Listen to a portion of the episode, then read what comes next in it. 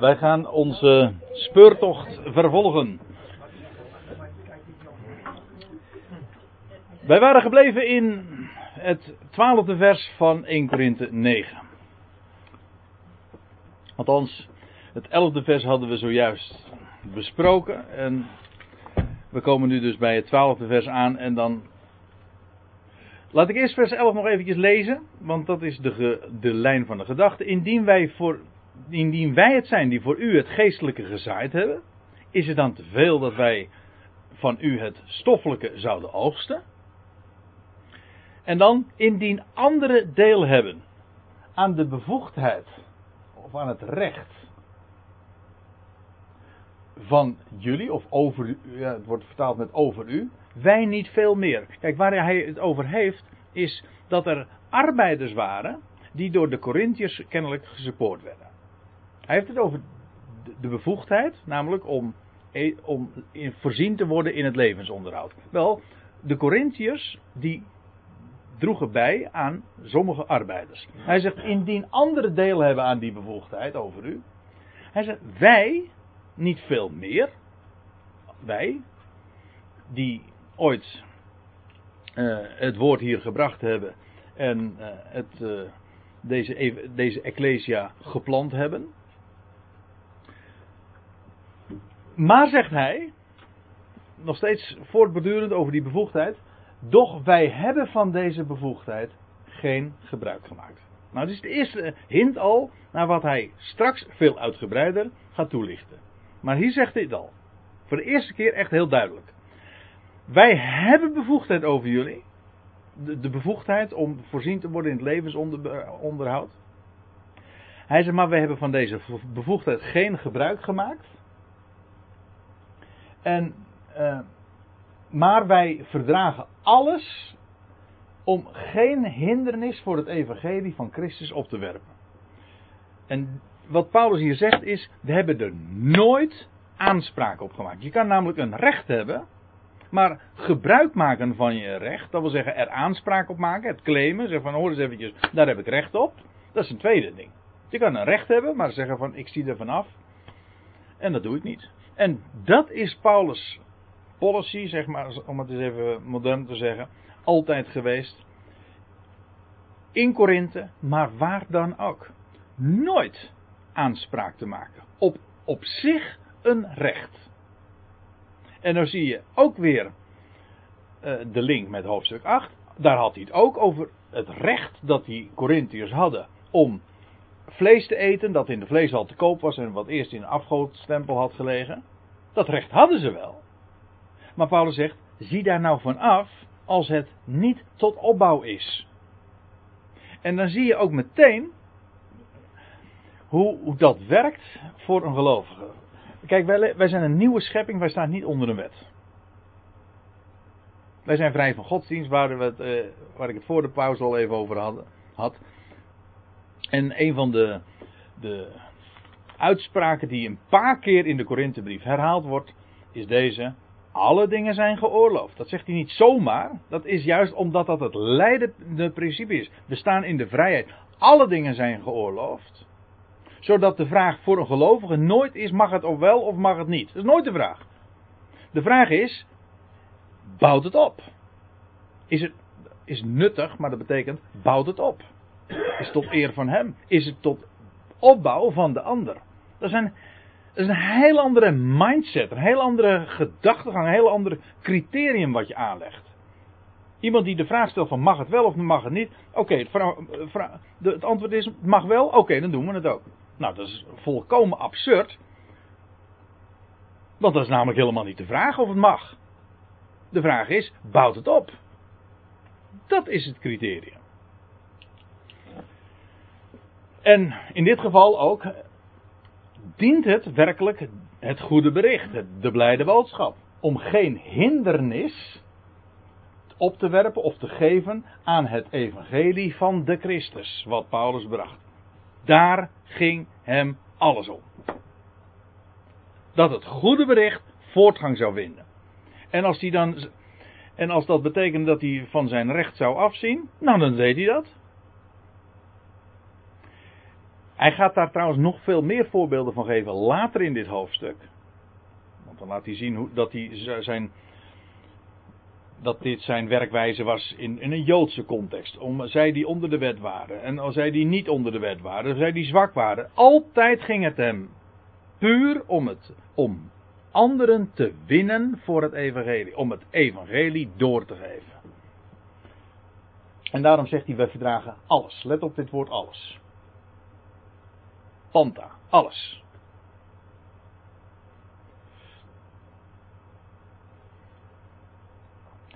En dan vers 13.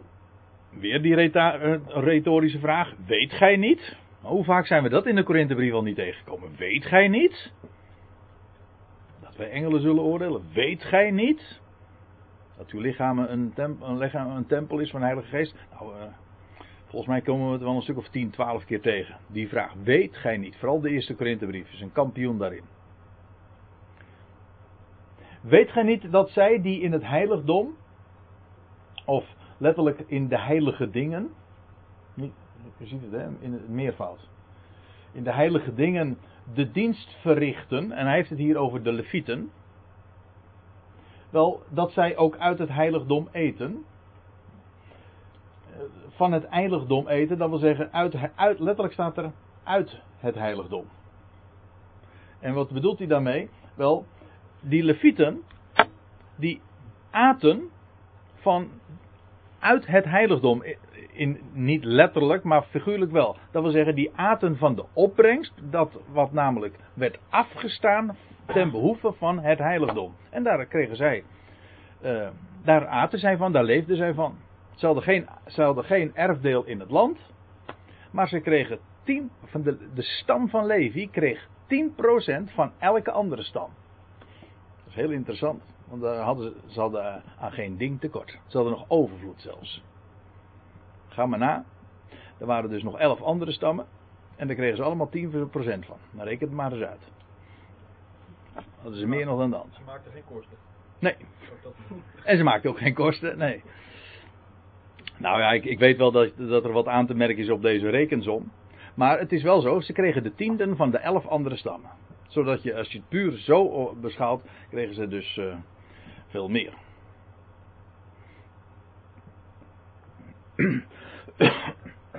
zo was het geregeld met de levieten. Gewoon in de Torah. En, uh, en niet alleen met de levieten, het was met de priesters namelijk al niet anders. En zij die het altaar bedienen, dat is dus weer een selecte groep binnen de Levieten. De priester, de, ko, de Kohanim. Zeggen de. Zeiden jullie dat horen ook al? ja, de Kohanim, de priesters. Wel, die mochten specifiek het altaar bedienen. Maar ook die ontvingen hun deel van het altaar. Kijk het maar na in de offerdienst, bijvoorbeeld een vredeoffer. Dat was een offer die op het, dat op het altaar kwam, maar de priesters kregen daar ook hun deel van.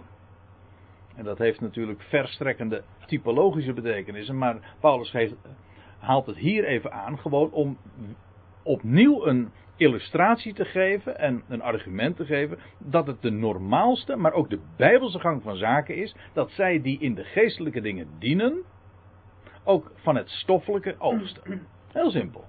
Dat is altijd het, het principe. En dan komt de conclusie in vers 14.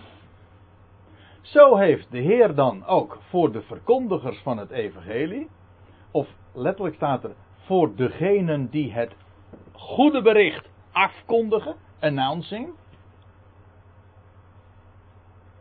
de regel gesteld, of eigenlijk staat er, hij schrijft voor, trouwens aorist, niet, is gewoon een tijdloos, het principe, het voorschrift is dat de afkondigers van het goede bericht, uh, dat zij ook van het evangelie, uit letterlijk niet van, maar uit het evangelie zouden leven. En als je hier een punt zet, uh, en als je hier dan het betoog afsluit, dan heb je iets heel belangrijks gemist. Let wel, dit staat. Zo zegt Paulus het ook inderdaad. Het is heel normaal dus om vol zij die zich wijden aan het goede bericht, dat ze ook leven van het goede bericht. Dat is, een, eh, zoals Paulus het hier ook zegt, zo de Heer die regel gesteld, of zo schrijft hij dat voor. Dat is één ding. Maar nu komt de vraag. Waarom zegt Paulus dit? Om te laten zien waar hij van afziet.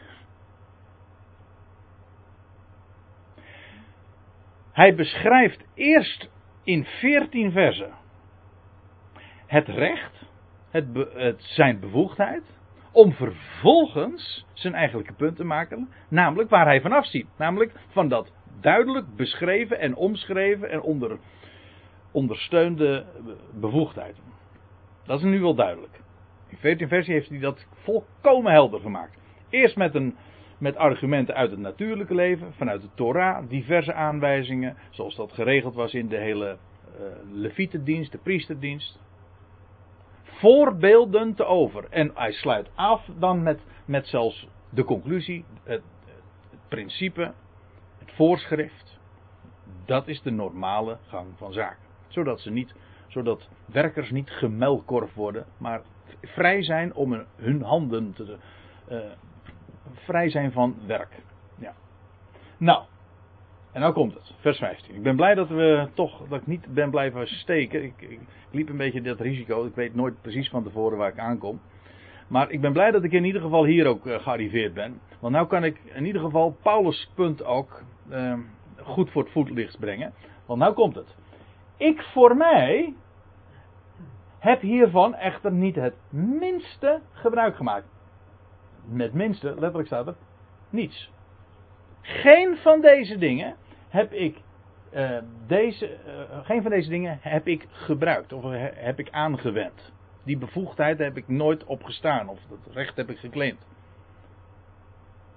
En nou zegt hij, dit schrijf ik echter niet opdat het zo op mij toegepast zou worden wat bedoelt hij? Want we komen nou een paar, daar moet ik er wel bij zeggen, een paar lastige versen tegen. Die soms wat moeilijk te begrijpen zijn. Daarom vind ik het, is wel zaak om even goed daar ook eh, de, de loep op te leggen. Ik wil ook gewoon, ja, we doen bijbelstudie. Zodat we weten, wat, wat, wat bedoelt Paulus hier nou precies te zeggen? Wat zegt hij nou exact? Hier is het punt. Hij zegt, dit schrijf ik echter niet op dat het zo op mij toegepast zou worden. Je zou haar namelijk de conclusie kunnen trekken uit de voorgaande 14 versen. Van, ah, de hint is duidelijk, Paulus. Je bedoelt gewoon te zeggen, wij moeten jou supporten. Jij zou je handen vrij hebben en jij bedoelt gewoon aan te geven, jij moet, uh, wij moeten jou voorzien in je levensonderhoud. En nou zegt hij, ik schrijf dit echter niet opdat het zo op mij toegepast zou worden. Want, zegt hij, het ware mij beter te sterven dan. Dit is heel krachtig uitgedrukt, want dat is absoluut niet de bedoeling. Dan ga ik nog, liever, dan ga ik nog liever dood dan om dat te vragen. Dat is wat hij zegt. Ik ga nog liever dood dan dat ik een aanspraak zou maken bij jullie of bij wie dan ook op mijn bevoegdheid, op mijn recht. Nee, zegt hij, mijn roem zal niemand verijdelen. En wat is zijn roem? Dat hij het evangelie, ik zal het straks ook laten zien, want hij zegt het ook echt zo, maar ik kan nu al even uh, erop vooruitgrijpen. Zijn roem was dat hij het evangelie om niet bracht. Dat is lekker dubbelzinnig als ik het zo zeg. Maar dat is uh, niet voor niks. Nee? Ook al niet. Ook al niet, nee. Nee, ook al niet. Nee, zegt Paulus, mijn roem zal niemand verijdelen. Dat wil zeggen, ik zal daar never nooit aanspraak op maken. Want, zegt hij, nou, en dan komen we, nou, dit, maar vooral het volgende vers is wat lastig om te begrijpen, omdat je gemakkelijk op uh, een, een verkeerde conclusie eruit zou kunnen trekken. Laten we het eens lezen. Want, zegt hij, indien ik het evangelie verkondig, heb ik geen stof tot roemen. Als ik dat doe, hij zegt dan heb ik daar, dan is dat geen reden voor, voor uh, het beroemen daarop. Waarom niet? Wel, dat motiveert hij. Immers, ik ben ertoe genoodzaakt. De noodzaak is liggende op mij. Broodprediker. Hè? Een broodprediker. Zou je denken. zou die dan zijn? Ah, bedoel je dat zo? Oh, wacht even. Ja, dan zou, dat zou die dat zijn, ja. Ehm, ja, ook. Maar ook dat hij uh, nou uh, hiermee aan, aangeeft. Ik heb er hier niet voor. Ik heb zelf niet voor dit werk gekozen. De vertaling staat: De nood is mij opgelegd. Nou, dat is wel heel uh, mooi letterlijk weergegeven. Ja, dat is precies. De noodzaak is mij, is, is mij opgelegd, ja. Of is liggende bij mij, of ja, iets van die strekking. Hij zegt: Ik ben ertoe genoodzaakt. Want, zegt hij, wee mij indien ik het evangelie niet zou of verkondig, of letterlijk zegt hij, wee mij indien ik het evangelie, het goede bericht, niet zou doorgeven. Eigenlijk staat hier, ik heb hier uh, onlangs nog een studiedag aan gewijd aan dit woord. En dat woord evangeliseren. Dat, dat is wat hij gebruikt. Dat als ik niet zou evangeliseren, goed berichtiseren.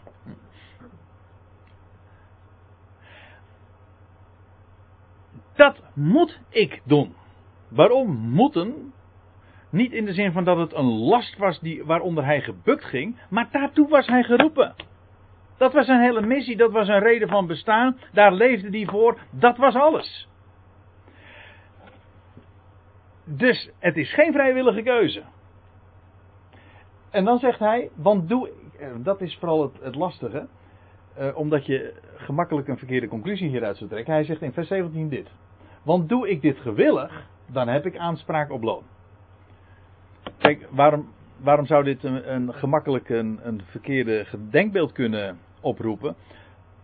Dat is dat je, dat je de conclusie trekt, ah, Paulus deed niet vrijwillig, hij deed het niet van harte. Hij zegt, ik doe het niet gewillig.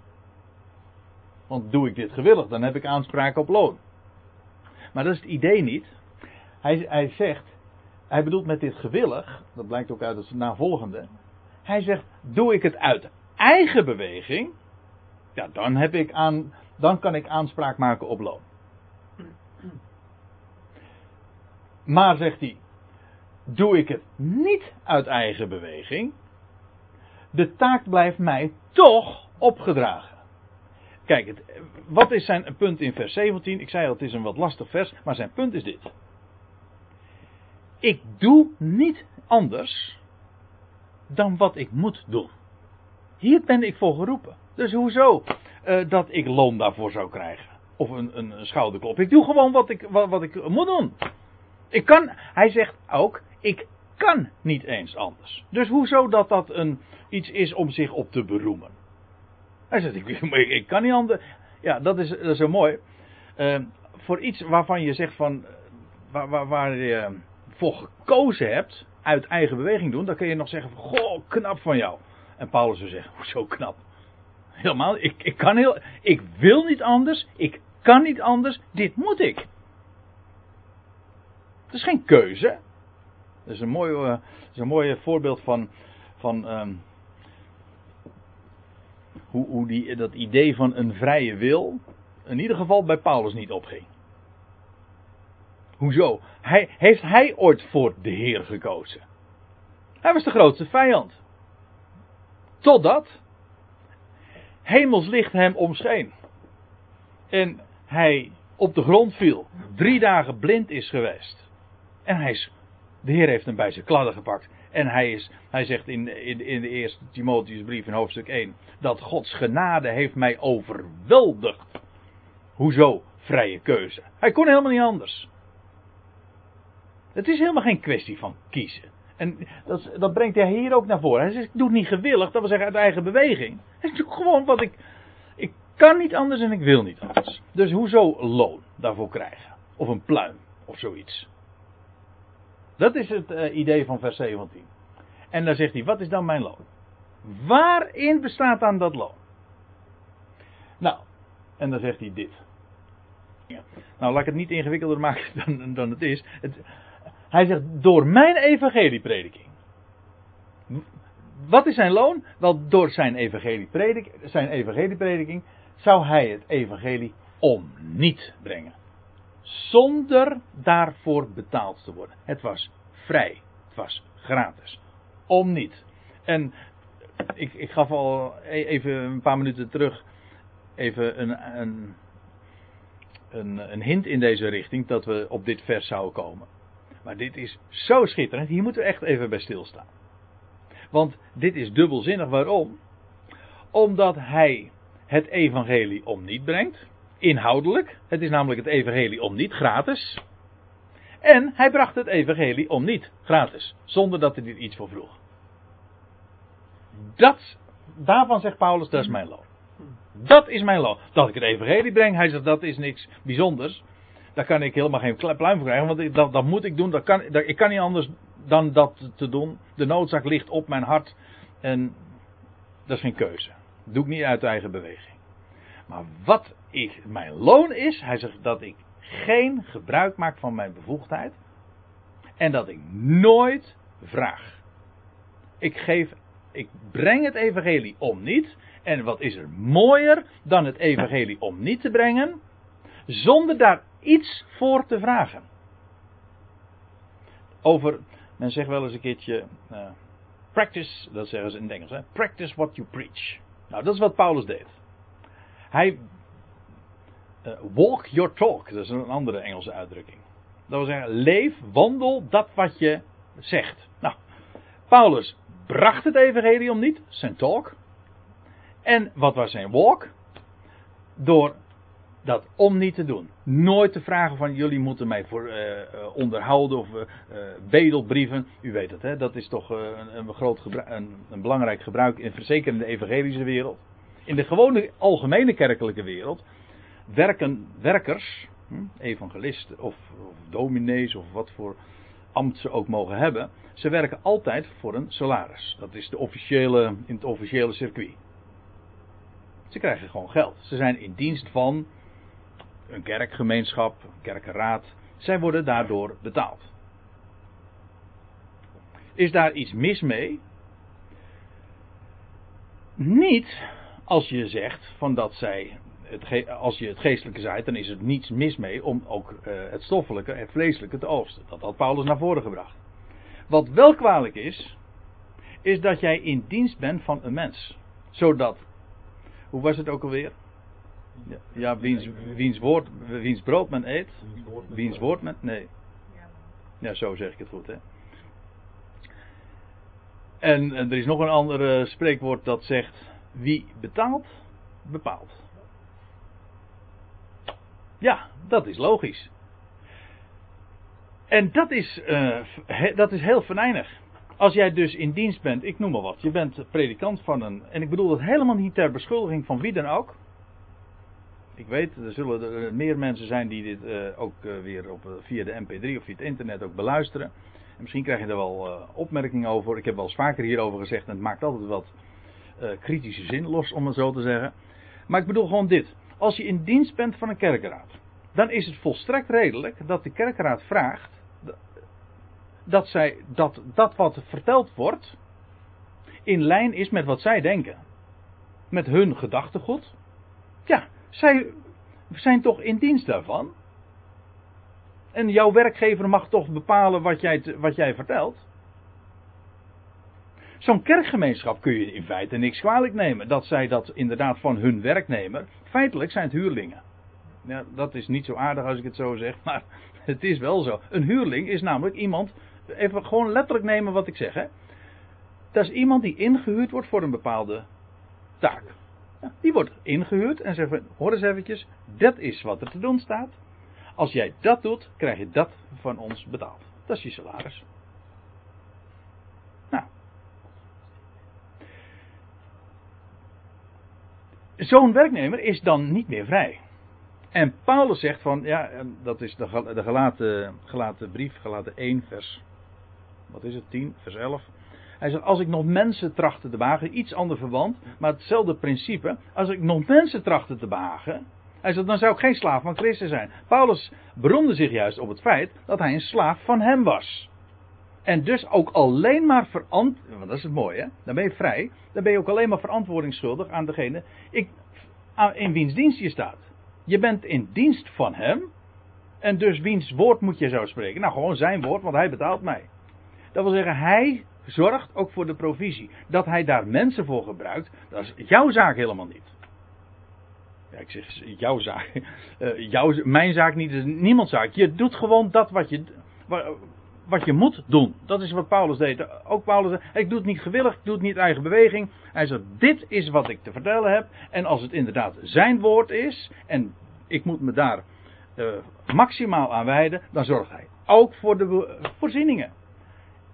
Dat is de visie die hij mij geeft. En hij geeft me dan ook de provisie. En wie dank je dan vervolgens ook?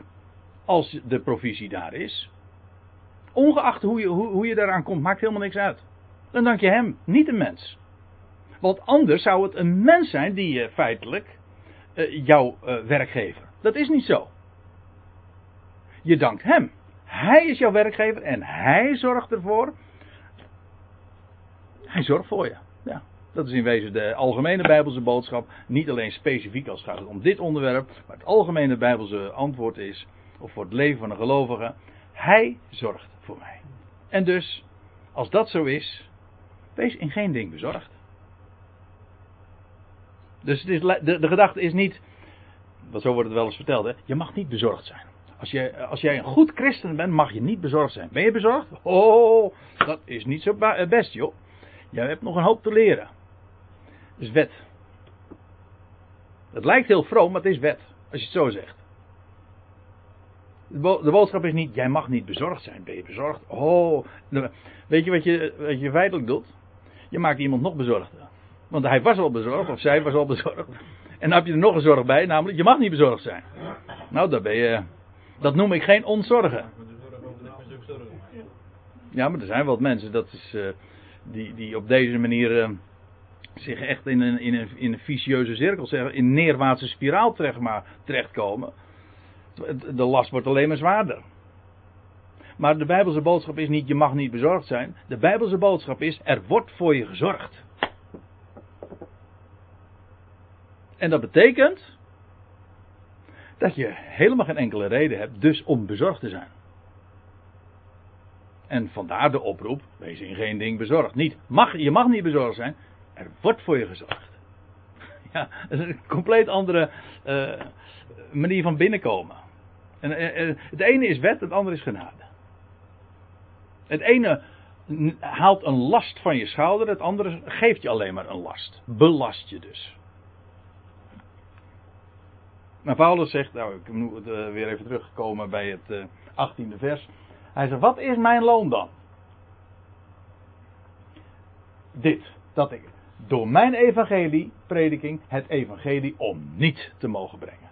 Dat was Paulus' eer, zijn loon, zijn roem. Dat was het woord wat hij eerder nog gebruikte. Daarin beroemde hij zich. Het is toch, wat is er mooier dan om zo in het leven te staan? En Paulus, ja, nou die man die was, uh, ik, ik, denk er, ik, ik, denk eraan, die man die heeft zo enorm veel gedaan. Zoveel gereisd, en hij heeft, echt ook zo geleefd. Nooit heeft hij gebedeld. Moet je nagaan, want ik had het net eventjes over dat. Ik heb het de gedachte niet helemaal afgemaakt, want ik had het over het, het, het, het, eh, gebruik in de kerkelijke wereld. Zoals dat dan gaat, met salariering. En in het uh, evangelische segment daar, is, daar kent men eh, vaak, nou tegenwoordig trouwens ook wel heel vaak uh, het principe van salariering, maar ook uh, dat van uh, zogenaamde geloofsbedieningen. Noem, zo noemt men dat. Maar ik denk vaak het zijn ongeloofsbedieningen, want ze doen niet anders. Inmiddels heb ik er niet zoveel last meer van, want ik, ik, ik wil dat spul gewoon niet in de bus krijgen. Van al die verzoeken tot om bijdragen en om, om gesupport te worden. Mensen die, die vragen dus om levensonderhoud. Eén ding kan ik vaststellen en niemand kan dat weerleggen. Het was niet Paulus' insteek en zijn beleid en zijn leven.